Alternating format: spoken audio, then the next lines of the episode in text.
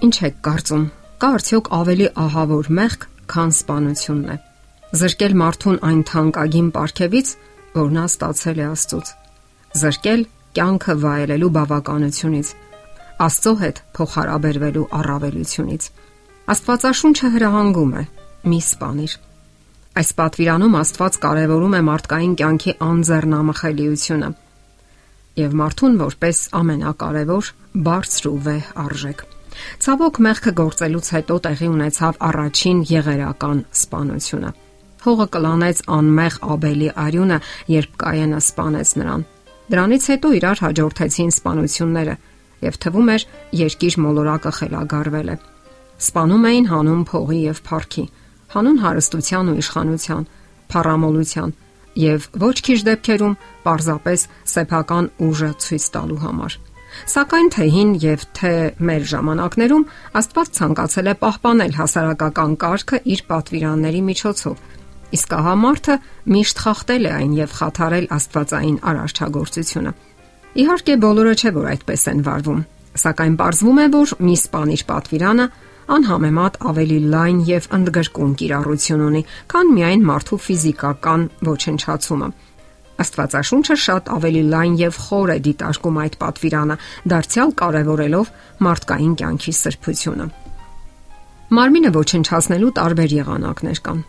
Քրիստոնյաները սպանություն են համարում նաև ծխելը, որի արդյունքում քայքայվում եւ ի վերջո ոչնչանում է Աստծո ապարքեված մարմինը։ Սպանությունը նաև ալկոհոլ օգտագործելը, որը մի պահ մահվան դուրն է հասցնում մարդուն այլ թմրանյութեր եւս ֆիզիկապես քայքայում են մարդկային մարմինը եւ դարձյալ հանգեցնում մահվան։ Դրանք կարելի անվանել սպանության դանդաղ գործիքներ։ Նույնը վերաբերում է աբորտներին, կամ որ նույնն է անցանկալի պտղի ընդհատմանը,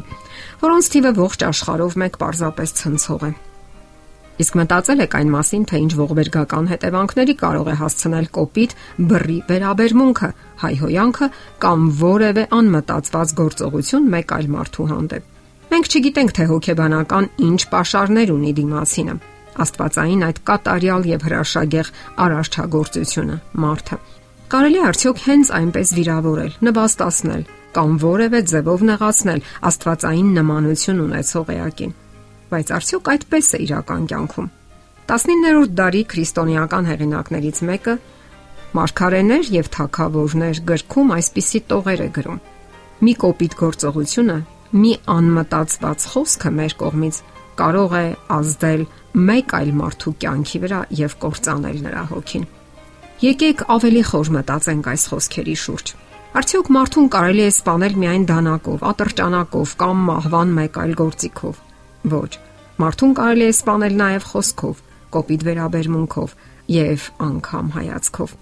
Մենք բոլորս լսել ենք այսպիսի արտահայտություն՝ սպանիչ հայացք։ Այս արտահայտության մեջ խորի մաստ կա։ Մարդուն կարելի է վիրավորել, նվաստացնել, այն աստիճան քայքայել նրա առողջությունը, որ դա հավասարազոր լինի մահվան։ Դա նկատի ուներ Քրիստոսը, երբ հստակ եւ որոշակի հայտարարեց. Լսել եք, որ առաջիններին ասվեց՝ մի սպանիր, եւ ով որ սپانի պարտական կլինի դատաստանին։ Բայց ես ասում եմ ձեզ, թե ով որ զուր տեղը բարկանա իր եղբոր վրա, պարտական կլինի դատաստանին, եւ ով որ իր եղբորն ասի հիմար, պարտական կլինի ատյանին, եւ ով որ իր եղբորն ասի մորոս, այսինքն դատարկ մարդ, պարտական կլինի գեհենի կրակին։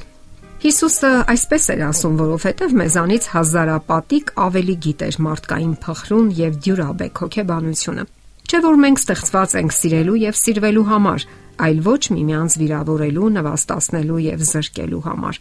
Սա նշանակում է, որ մարդուն վիրավորական դատարկ խոսքեր ասելը նույնն է, թե վտանգավոր զենքեր գործածելը։ Եվ սրանք համարվում են 6-րդ պատվիրանի խախտում։ Այսինքն մարդը ոչ թե зерքերով է սپانում, այլ խոսքերով, արտահայտություններով եւ անգամ դեմքի արտահայտությամբ։ Այս բոլորն ի վերջո դառնում են մահվան գործիքներ։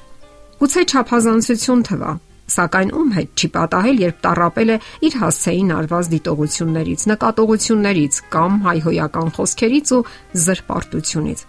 Շատերն անքուն գիշերներ են անցկացրել, արցունքներ թափել, լուր տարապել, ընդհանրապես բառային արտահայտությունների պատճառով։ Իսկ ձեզ ծանոթ է ժողովրդական ասացվածքը. Թրի կտրածը կլավանա, լեզվի կտրածը չի լավանա։ Նկատել եք երբևէ, թե ինչպես է մարդը ցնցվում ձեր խոսքերից, վիրավորվում, հուզվում կամ լացում։ Նկատել եք մարդկանց աչքերի արտահայտությունը, երբ նրանք վիրավորվում են անարթարացիորեն եւ հոգեկան ցավ են ապրում։ Եվ ինքնավստահ չհայտարարենք, թե մենք երբեք չենք վիրավորում։ Բոլորս էլ խախտում ենք այդ պատվիրանը։ Մինչ Աստված ցանկանում է, որ իր զավակները ոչ մի ձևով չխախտեն այդ պատվիրանը, աշխարհը տարապում է պատերազմների եւ սպանությունների, բռնությունների եւ սպանության այլ ավելի նուրբ ու քողարկված ձևերի պատճառով։ Տարապում է հոգեկան բռնություններից, թունավոր արտահայտություններից։ Մենք ապրում ենք հիվանդ աշխարհում, որտեղ մարդիկ չեն հոգում միմյանց համար։ Մինչ Աստված մարդուն պատվիրում է սիրել մերձավորին, նրանց խոսքերը արցունքներ են բերում եւ ցավ պատճառում միմյանց։ Այո, մեր խոսքերի մեջ մեծ ուժ կա։ Փորձենք դեպի բարին օգտագործել այդ ուժը։ Եթերում ղողանջ հավերժության հաղորդաշարներ։ Ձեզ հետ է Գեղեցիկ Մարտիրոսյանը։ Հարցերի եւ առաջարկությունների դեպքում զանգահարեք 094 08 2093 հեռախոսահամարով։ Հետևեք մեզ hopmedia.am հասցե